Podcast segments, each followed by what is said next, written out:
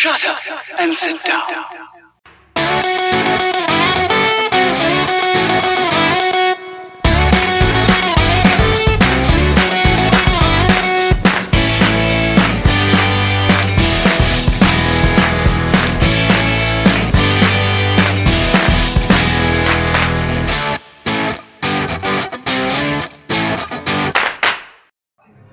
Episode 9 Podcast Bung bareng gua Bung Koko dan gua Bung Dimas dan kita berdua lagi berdua lagi karena Bung Gino sebenarnya kita sudah undang tapi tapi dia menolak menolak. hadir. Jadi kita segmen pertama kita bahas ini dong apa big match big match yang sudah terjadi di akhir pekan kemarin di liga-liga Eropa. Ya kan kemarin gua judulnya itu North London Derby sama Merseyside Derby mana lebih seru? Kalau menurut gua sih sama ya. Apa sih intensitasnya tuh? Kalau gua kasih bisa kasih nilai dua-duanya udah gua kasih nilai 8 8 deh. Nah kan yang pertama Arsenal Spurs awal-awal mula eh, ketegangan tuh kan pas Eric Dier. Eric Dier golin dia selebrasi di depan apa fansnya Arsenal terus ada ada pemain bench ya bench Iya. bench lagi pemanasan benchnya Arsenal tuh kepancing kayaknya Guendouzi ya? Dia Amaran sih juga setahu gua. Iya terus kayak kepancing gitu ya ada keributan kecil lah di situ. Itu gol satu dua ya kalau nggak salah kan? Eh, satu sama? satu sama. Itu sama ya. Habis itu satu dua golnya siapa? Harry Kane ya gol kedua. Harry Kane dia eh, penalti dapat penalti. Oh iya, cuma sel- selisih selisih berapa? Satu menit dua menitan ya? 30 33 kalau nggak salah golnya. Sampai ha- half time satu dua kan skornya. Gimana kemarin tuh? gue lupa juga sih. Tapi ya setahu Satu gua dua deh kayaknya Terus babak kedua Arsenal nyetak tiga gol. Jadi Iya, empat dua. yang golnya siapa? Pierre Emerick Aubameyang yang gol keduanya tuh yang keren banget menurut gua tuh. Yang dia nggak dikontrol bolanya langsung ditendang. Si Loris tuh diem doang aja yang jadi dua sama itu Iya, soalnya kan penempatan bolanya kayaknya menurut gua ya agak pojok lah itu jadi. dan si Loris juga kalingan pemainnya Spurs Hmm. dia nggak nggak nyangka bolanya bakal ditendang langsung mungkin dia pikirannya tuh kok bakal dikontrol dulu sama si Aubameyang Ah. perhitungan dia Terus, weh, Lu- Lucas Torreira ya. Dia cetak gol pertama buat Arsenal di derby pula. hmm. Selebrasinya. dan gue akuin sih Torreira tuh salah satu pemain terbaik Arsenal musim ini sih Iya. Di di match lawan Liverpool tuh menurut gua salah salah satu pemain pembedanya tuh ya karena kehadiran Torreira juga. Jadi ya jadi jadi apa ya bikin per- permainan Arsenal tuh jadi meningkat menurut gua cu- cukup lumayan ya dengan kehadiran Torreira baru di musim pertama juga. Terus gue lihat juga ada yang nyamain-nyamain dia katanya eh, Roy Keane masih muda katanya. ah masih yang, kalah yang, jauh lah yang Roy Keane gue lihat di Twitter. kalah jauh bahkan jangan kan Roy Keane kalau dibandingin sama main Arsenal yang dulu aja kayak Oh, Vieira gitu gitu Sanchez Fabregas juga masih di bawah lah ini lebay menurut gue yang itu mah Terus itu 4-2. Terus nih di Merseyside Derby. Golnya menit-menit terakhir menurut gue itu gol-gol aneh sih, gol kocak. Gue pas pas pas lihat lihat gol itu langsung ketawa gue aja itu gol macam apa. Kan eh, awalnya kan Liverpool dapat free kick ya. iya Dapat free kick terus tadinya sama itu Van Dijk apa? dendangnya nggak asal itu nggak Iya. nggak kena kaki itu kayaknya deh Kan sama tren tren mau langsung diumpan, tapi sama Alisson dikasih ke tren gitu. Jadi jebakan offsetnya Everton gagal diumpan terus dapat kan sama back Everton ya kalau nggak Iya, salah dapat bola bolanya jatuh ke ya Van Dijk terus sama Van Dijk nendang gue udah mau makin makin Van Dijk tuh tadinya soalnya soalnya gue kira bolanya pas ke atas kan. Eh, itu kayaknya nggak kena kaki yang apa bolanya tuh posisinya nggak pas ke kakinya Van Dijk Hmm. jadi agak melayang gitu. Melayang pas kena mis kena mistar dua kali apa ya? Karena mantul mantul. dia mau kena Pickford gue nggak ngerti tuh. Pickford tuh maksudnya dia mau ngetip atau mau nangkep? Iya, kayaknya sih mau mau ngetip, mau dibikin corner gitu kan bolanya.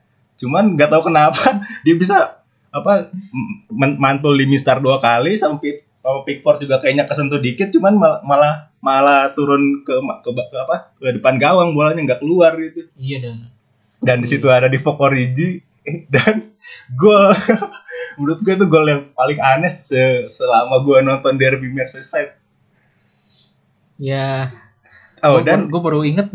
kenapa Gue kira di Vokodengi udah pindah. Enggak, masih ada dia kan habis dipang habis dipinjemin ke Wolfsburg dan ini pun eh, kalau menurut statistik ini gol ketiganya di Vogue Origi selama empat kali dia eh, memainkan Merseyside Derby. Jadi ya cukup produktif lah selama Merse- sama selama Tapi derby. overall dia bukan menyerangnya produktif kan, bahkan bukan pilihan utama kan. Iya. Hmm.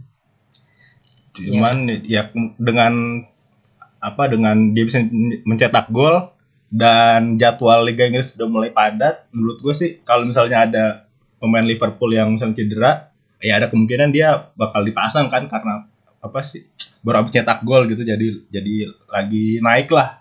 Itunya apa sih kalau di PES dulu lagi merah lah itu itu kan Iya. ya buat minggu depan. Jadi ada kemungkinan dia starter. Kalau misalnya kan mana itu ada kemungkinan dia cedera apa gitu. Mungkin kalau mana yang nggak main Liverpool jadi mainin 4-4-2 dengan Divock Origi sama Firmino di depan Ya, tapi yang gua highlight adalah sebenarnya Apa?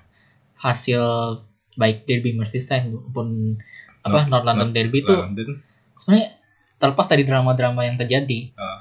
Menurut gue itu bukan hasil yang hasil yang mengejutkan sih menurut gua karena wajar lah ya karena terakhir kali Everton menang di Anfield itu tahun 9 tahun 99 ya Itu hampir dalam- 20 tahun yang ya lalu. 20 tahun lalu. Dan overall secara derby Merseyside keseluruhan Everton tuh kali terakhir kali menang tuh 2010 di Goodison Park pas Ah. masih ada tim Cahill sama uh, Marwan Fellaini dan sama aja di North London Derby setahu singkat gua eh si Spurs menang di Emirates Emirates itu. Itu lama. 2010 juga pas Hmm. masih ada zaman-zamannya gue lupa kayak itu musim antara musim 2009 2010 atau awal pertamanya 2010 2011 Mu- kalau zaman-zaman segitu masih ada Gareth Bale masih pakai nomor 3 kan Hmm. sama siapa?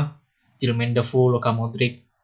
Ya pas masih berimbang-berimbang lah walaupun kalau peringkat sebenarnya Arsenal Arsenal sih jarang sih dia baru dua musim ini doang dia kan peringkatnya di bawah di bawah Liverpool di bawah di Liverpool bawah lagi. Spurs. Di bawah Spurs. Sebelum sebelumnya kan walaupun jelek-jeleknya Wenger kan posisinya Arsenal itu kan selalu di atasnya Spurs kan di akhir Oh, musim. oh ya di kalau di Arsenal tuh gua kalau lihat di akhir musim dia suka ngerayain Saint Tottenham apa day ya. Iya. kalau dia finish di atas Tottenham.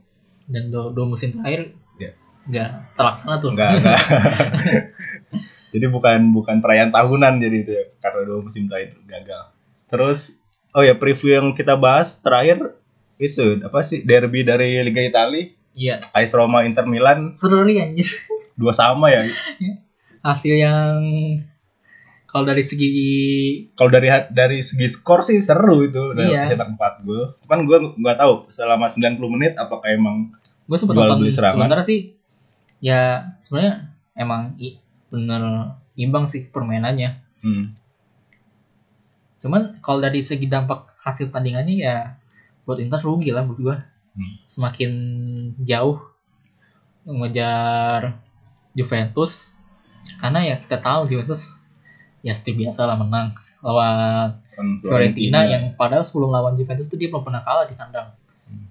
dan mengejar Napoli juga susah karena tadi malam kan Napoli juga menang 2-1 lawan Atalanta kan Dan kalau di match eh, AS Roma Inter Milan yang gue lihat tuh golnya si Cengiz Under ya menurut gue Iya. salah satu gol terbaik sih di Serie A selama musim selama apa pekan berjalan gitu. dan ya bos AS Roma juga hasil tandingnya juga eh, merugikan juga sih karena Iya karena kan dia di dia si AC Milan juga menang. menang, 2-1 gue nonton tuh yang AC Milan Oh itu gue, gue kemarin minggu game kemarin gue sama sekali nggak nonton Liga Italia. Terus udah ya Eh Li- Liga Inggris kita nggak mau bahas itu Southampton MU nih. yang gua hampir Southampton unggul duluan cuman ya wajar sih di Southampton, Southampton kalau bisa menjaga keunggulan sih menurut gua jago di Iya. match itu. itu ada momen dua kali tuh Paul Pogba agak dia papain bolanya hilang direbut dan ujung-ujungnya Southampton dapat shot on target. Gue gara-gara itu? Iya itu gue bingung buat buat tuh ngapain coba. Padahal tuh kalau misalnya dia langsung jadi serangan balik itu. Hmm. dan ini yang membuat gerah fans United seluruh dunia bahkan ada desas-desus sih Mori itu nyebut Pogba tuh sebagai Hmm. virus. Gue nggak tahu di benar atau salah soalnya yang yang memberitakan bukan bukan Dari resmi dari United MUTV atau media sekredibel kayak Sky Sport atau Hmm. Goldayan jadi media lampu kuning lah Iya. lampu kuning ya cuman kan ya kita tahu lah setiap kali Pogba diisukan apa ya diberitakan performa jelek keesokan hari ini pasti ada berita Pogba nggak senang Hmm. terancam pindah pasti gitu kan cuman kalau dari sudut, sudut pandang gue sebagai fans Liverpool gue udah mulai bosan sih ngecengin MU soalnya kan kalau misalnya dia lagi menang menang menang terus tiba-tiba kalah nah itu baru enak dicenginnya cuman ketika performanya seri kalah seri kalah ya udah wajar sih jadi tanpa tanpa gue ngecengin ya fans MU sendiri dia udah ngecengin klubnya klubnya sendiri jadi ya sama udah aja kayak Liverpool dulu Iya iya. ya udahlah. Gua udah mulai bosan ngeliat MU main juga. Jadi fokusnya sekarang tinggal di papan atas. Manchester City, Liverpool, Manchester City yang yang sampai sejauh ini gue lihat bisa dapat tiga poin tanpa perlu berkeringat banyak. Sementara Liverpool kemarin di derby harus memeras keringat sampai menit terakhir. Menurut gua kalau Liverpool bisa sampai juara di musim ini sih keajaiban itu. Hmm. Soalnya City performanya lagi ya, keren banget itu udah susah lah di apa di di masih dipepet dua poin terus sampai akhir musim aja menurut gua udah pencapaian yang sangat bagus dari Liverpool. Kita ketemu Iya, lagi. beda- bedanya ini ya apa bedanya Chelsea ke City juga lumayan Iya, kayaknya udah apa udah sprint antara dua pemain doang ini mah sampai ntar sampai akhir musim. satu lagi deh Desember. Kita ketemu lagi di segmen selanjutnya.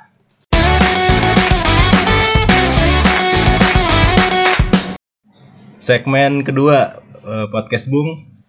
Liga Inggris sudah mem- memasuki pekan-pekan sibuk di bulan Desember. Jadi ada udah ada apa game week tengah pekan. Di Kamis dini hari itu yang big match sih enggak gua nggak tahu sih ini masih big match atau enggak ya. Ntar match, ada United versus Arsenal. Terus itu ntar kita bahas belakangan aja deh. Yang kita awal bahas dari Fulham Leicester dulu. Fulham kemarin oh ternyata Fulham Fulham Chelsea kemarin hitungannya derby juga ya. iyalah derby, Derby London Barat London Barat. Kita kemarin luput nggak nggak bahas itu. Jadi Fulham kemarin kalah 0-2. Sekarang main kandang lawan Leicester. Gue sih nungguin Mitrovic menggila lagi nih. Ya, gimana menurut lu Mas? Fulham menurut gua musim ini calon-calon degradasi sih menurut gua walaupun Ya, walaupun dia, dia sempat jor-joran juga sempat ngontrak sekelas Andre Schürrle lah Iya, dan kan Jernih, terbaru kan dia iya. punya pelatih baru nih, Claudio Claudio Ranieri Ranieri.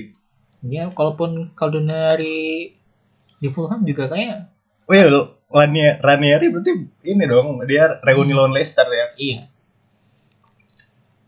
dan Leicester gue bingung sih Leicester ini tim yang naik turun sih tipe-tipenya Iya, dia masih tergolong tim yang apa tiap musimnya tuh eh, targetnya ya stay di Premier League kan. Dia masih Iya. masih belum punya target untuk naik ke Liga Eropa lah minimal. Meskipun ada ada Jamie Vardy di situ ya, udah ba- ba- kan apa banyak eh, pemain-pemain timnas kan di Leicester mulai musim apa Ya, musim kemarin beberapa lah udah mulai masuk itu ke juga timnas nggak tahu layak atau enggak sih di Jamie Vardy. Ya menurut gua karena apa ya kenapa? Inggris itu kan sekarang ini main-mainnya ya gua entah emang SDM-nya kayak gitu atau mungkin si Southgate-nya eh jeli melihat talenta-talenta yang non non besar sehingga mungkin kayak Jamie Hmm. Atau Vardy, Ben Karena Iya. Chilwell gitu-gitu bisa dipanggil. atau karena ya klub-klub di enam besarnya tuh nggak nggak apa pemain Inggris yang di enam besar tuh tersisihkan mungkin Iya. jadi kan eh, ya kayak striker aja Harry Kane lah masih masih oke lah di Spurs Vardy kan jadi pelapisan pelapisnya Harry Kane Terus ya Ben Chilwell back back kiri kan ya, Hmm. udah mulai dipanggil ke timnas. Di pertandingan selanjutnya ada Wolves versus Chelsea. Eh, Chelsea kemarin habis menang 2-0. Si Wolves kalah Wolves sama kemarin Cardiff. lawan oh Cardiff ya, Hmm. main away. Ya, tim promosi Di ya, promosi sama sih 11-12 sama Fulham cuman bedanya Wolves tuh peringkatnya lebih bagus padahal Wolves itu juga sangat Portugal sih musim ini kan Iya, ham- hampir setengahnya kan pelatihnya Portugal ya, Iya. si siapa?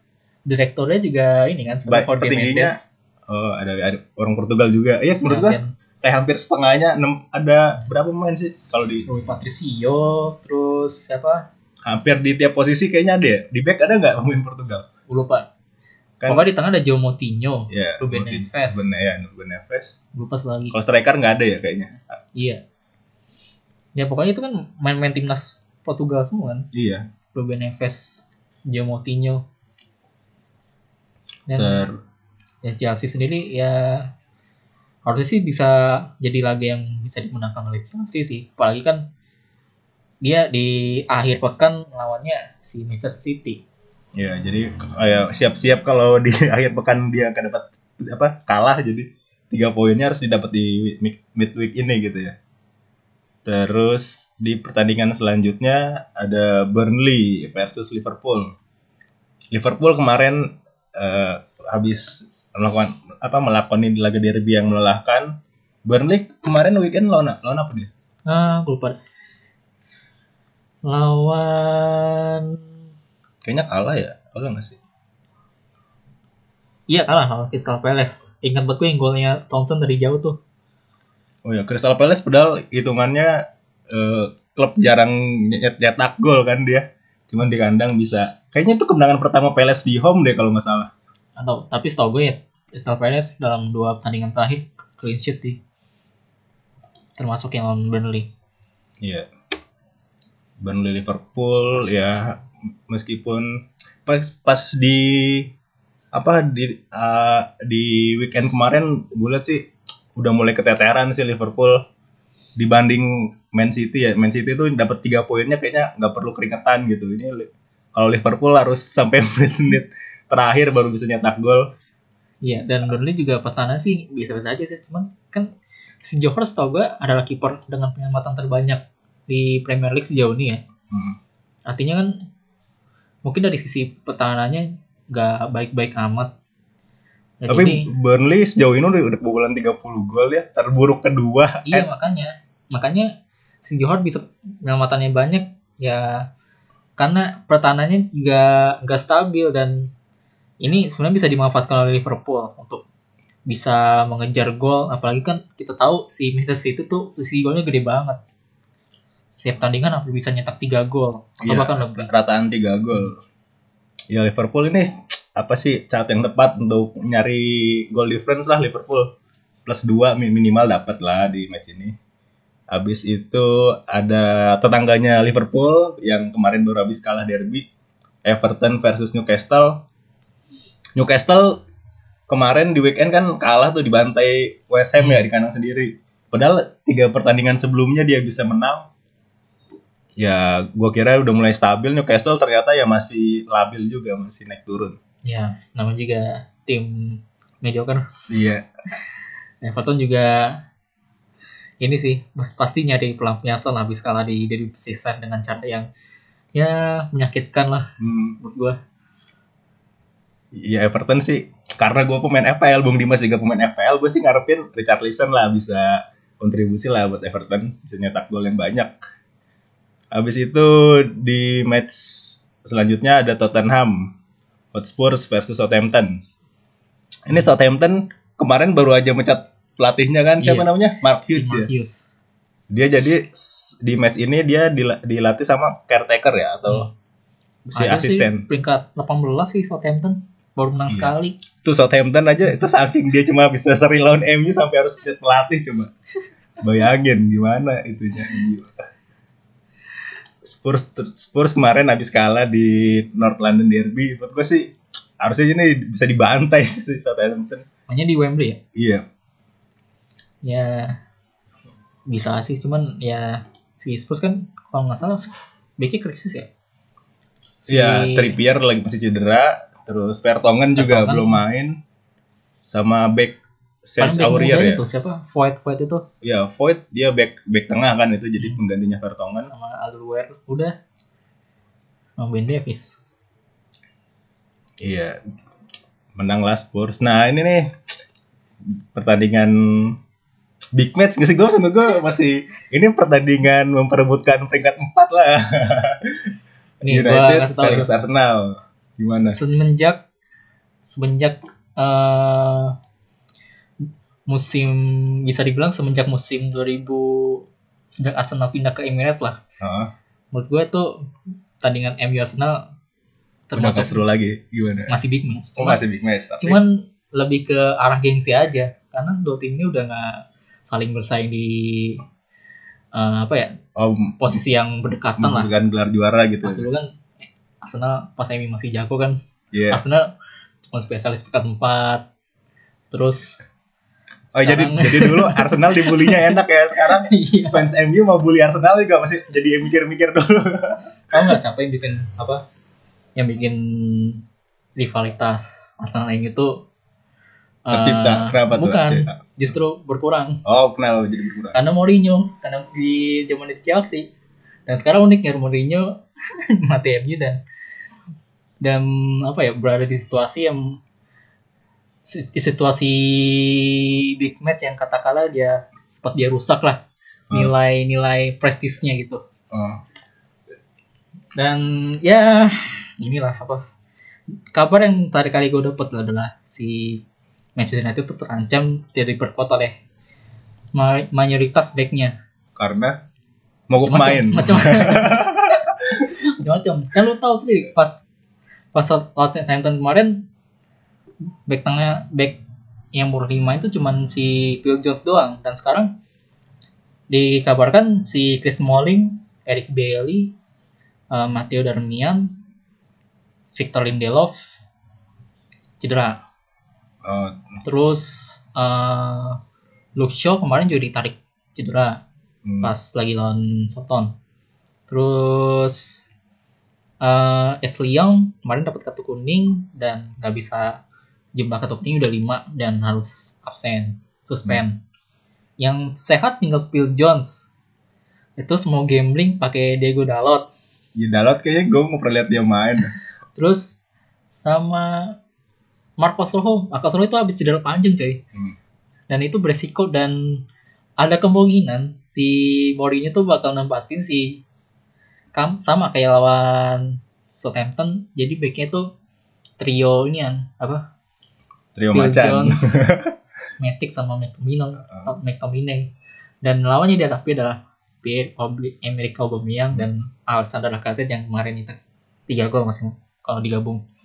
ah kalau menurut gue sih itu eh, apa akal-akalan backnya MU aja dia bilang cedera. Cuman sebenarnya eh, apa sih?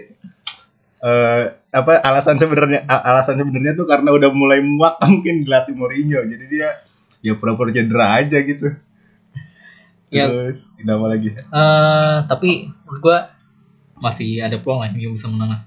Terus soalnya terakhir kali Arsenal menang di Old Trafford kan udah lama banget. Hmm. Gue nggak inget kapan ya terakhir kali menang. Kayaknya itu kalau nggak salah itu 2007 deh. Pas golnya Adebayor dan setelah itu nggak pernah menang lagi, terutama di Liga Premier ya. Pernah menang kali di Piala FA, gue inget banget pertandingan kalau 2-1 dan golin Danny Welbeck tuh kemenangannya si Angel Dembele atau merah itu bodoh banget emang pertandingan zamannya Van Hal tapi se- setelah itu ya nggak pernah nggak pernah menang si Arsenal. Jadi secara rekor pertandingan ya United bisa unggul. Cuman kalau melihat kondisi seperti ini butuh usaha keras lah ya melihat performa MU sampai sejauh ini pendapat pribadi Bung Dimas gimana nih soal Mourinho lah? Apakah lanjut terus sampai akhir musim? Apakah di Januari dia harus dikasih duit yang banyak buat beli pemain? Apakah Januari harus cabut gitu? Menurut lu gimana? Eh menurut gua kasih duit yang banyak. Kasih duit yang banyak. Terus yang mau dibeli siapa kalau misalnya ada duit gitu? Gue kalau nyebut pemain masih gimana ya, masih abu-abu lah. Karena ya Januari kan transfer Nintendo itu nggak semudah. Nggak semudah yang dibayangkan karena karena siapa juga yang klub yang benar mau ngelepas terutama pemain utama ya di tim di bulan Januari dan itu klub besar. Hmm. tapi kalau karakter-karakter gimana aja yang but- dibutuhkan menurut gue tuh back tengah tuh wa- wajib banget. Back Hmm. tengah. Back tengah yang tangguh nggak gue nggak peduli dia dari klub mana asalnya penting benar tangguh di atas rata-rata back MU yang ada sekarang dan dia gak gampang cedera Iya. karena kalau gue lihat back back MU itu celah kuantitas sebenarnya banyak Tapi rentan cedera. rentan cedera dan kualitasnya ya di bawah rata-rata tim besar yang sekarang lah. Dan sebenarnya sih gue berharap ini bisa beli beli ini sih apa beli backside juga karena si Antonio Valencia dan aslinya kan udah tua Hmm. dan masih diandalkan penggantinya Matteo Darmian kan gue bingung nih ini orang makan gaji buta kayaknya Ya. nggak pernah dimainin tapi mau dijual nggak bisa karena ini belum belum dapat penggantinya Hmm. akhirnya jadi cadangan mati dan baru tampil dua kali setahu gue di Premier League dan sama ini sih gue pengen banget sebenarnya beli pemain sayap main sayap kanan dah karena kalau gue lihat ya sayap pemain sayap yang di MU sekarang tuh rata kayak kiri semua yang bener bisa menusuk bisa ngasih umpan tapi bisa golin juga kayak Martial dan Rashford Hmm. kalau sekarang Lingard itu lebih natural tuh lebih ke IMF Buan Mata juga IMF Iya. artinya belum ada sayap kanan pun nih yang entah itu yang menurut saya eh, introvert apa inverted winger atau main sayap yang biasa lah yang apa yang lurus aja gitu-gitu. Ya. ya coba tadi ya kriteria back tengah yang lu sebutin apa aja mas? Nggak gampang cedera, dan sama cedera. Terus? Yang jelas apalagi? eh, bisa jadi apa ya senior lah senior senior. Senior bisa bisa mengayomi pemain muda MU, terus apalagi? Yang jelas harus di atas rata-rata. Kualitasnya di atas rata-rata itu semuanya sudah terpenuhi oleh Dejan Lovren. Kalau MU mau bikin apa sensasi apa ah, terjadi transfer langsung antara Liverpool sama MU, Dejan Lovren itu jawaban Nggak- yang mungkin. yang sangat apa apa yang sangat mem- memenuhi kriteria MU tuh Dejan Lovren lah udah. Januari akan terjadi sebuah transfer sensasional Dejan Lovren pindah ke MU.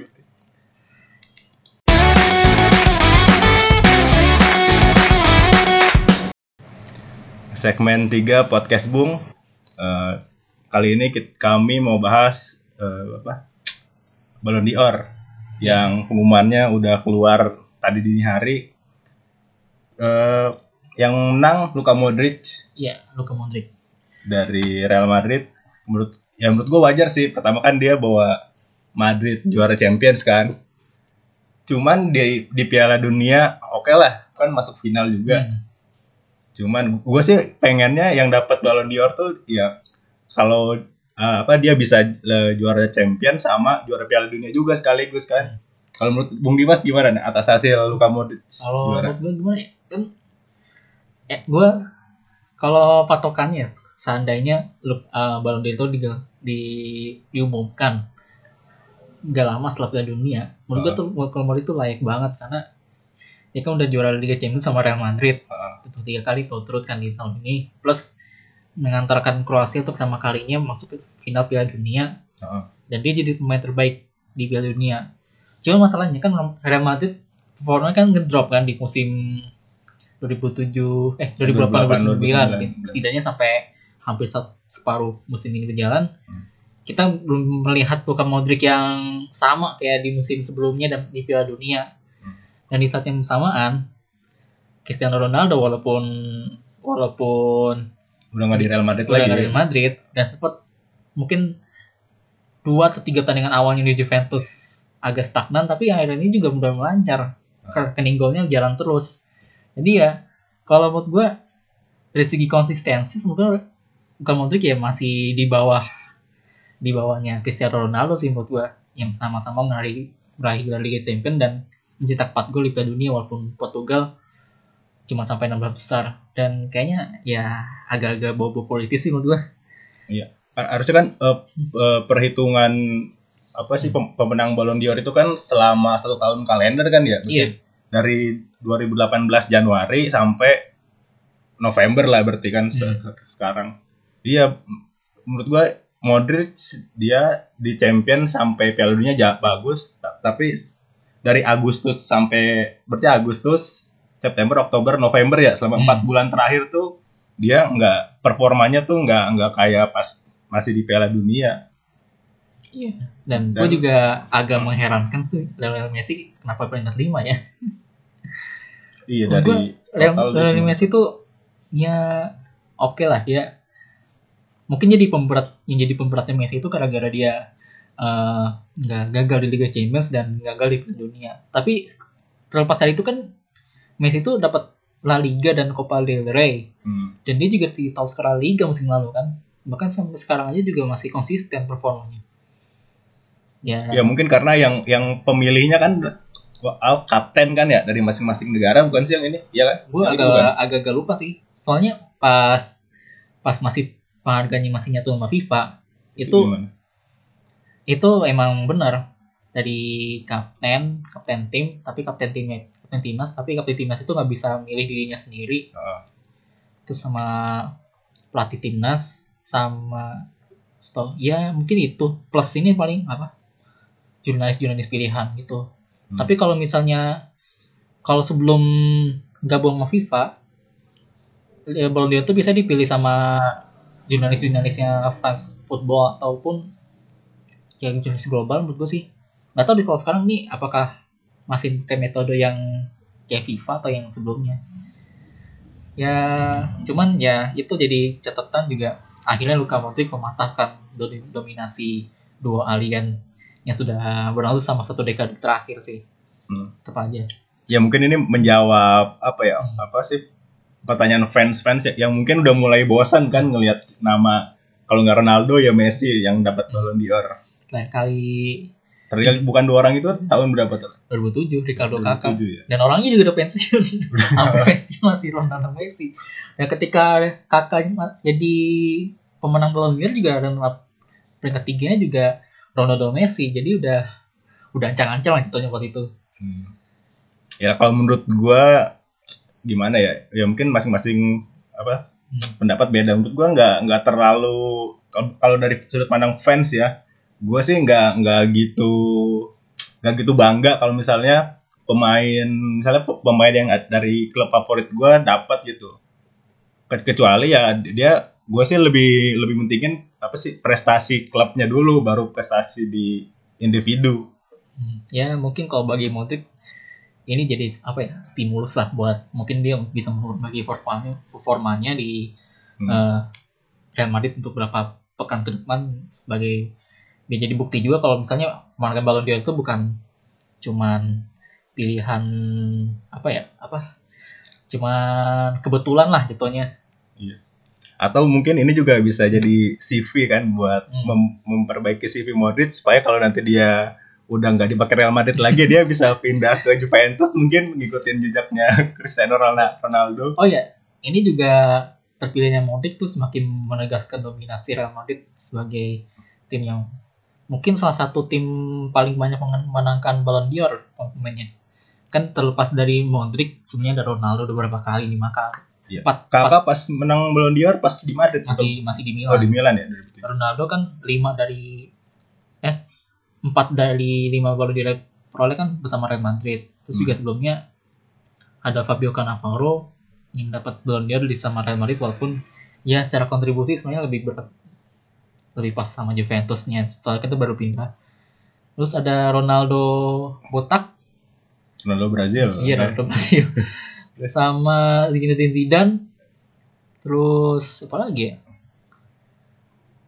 Sebelum-sebelumnya ya mungkin ya era era 2000-an itu itu sih. Iya itu tuh golong banyak sih kalau dibandingkan tim-tim lain. Dan catatan juga kan ini juga untuk nama kalinya ada penghargaan Ballon d'Or khusus eh, pemain under 21 yang menang tuh Kylian Mbappe udah jelas sih Oh iya dia saingnya siapa di under Nggak tahu. 21? gue liat itu banyak. cuman diumumin cuma Kylian Mbappe doang terus nggak ada Oh nggak ada ju- juara dua juara tiganya. nggak diumum nggak diumumin nggak tahu a- a- ada sih pasti tapi ya Menurut gua ya jelas sih. Siapa juga yang bisa nandingin Kylian Mbappe udah udah dapat Piala Dunia, PSG juara Ligue 1 dan dia juga kalau nggak salah sekarang top skor ya di di di liga, Liga Prancis Liga- dan dia lebih tajam dari Neymar. Iya. Dan ya ini- menurut gue sih dia iya. kandidat. Kalau misalnya nanti kalau si siapa Messi, Ronaldo, Modric sudah pensiun ya Mba- Mbappe lah yang naik. Jadi dia memperaih gelar Ballon d'Or senior nanti. iya. Dan di Ballon d'Or senior dia di peringkat 4 di bawahnya Antoine Griezmann. Oh iya.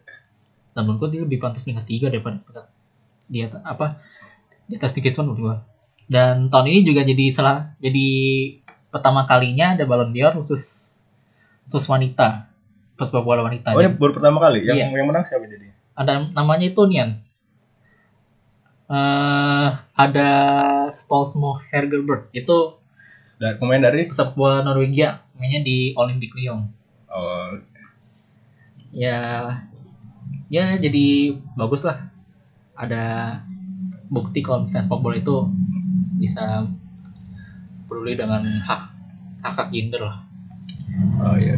Ya sekian dulu episode eh, segmen terakhir episode 9 kita ketemu lagi di episode selanjutnya.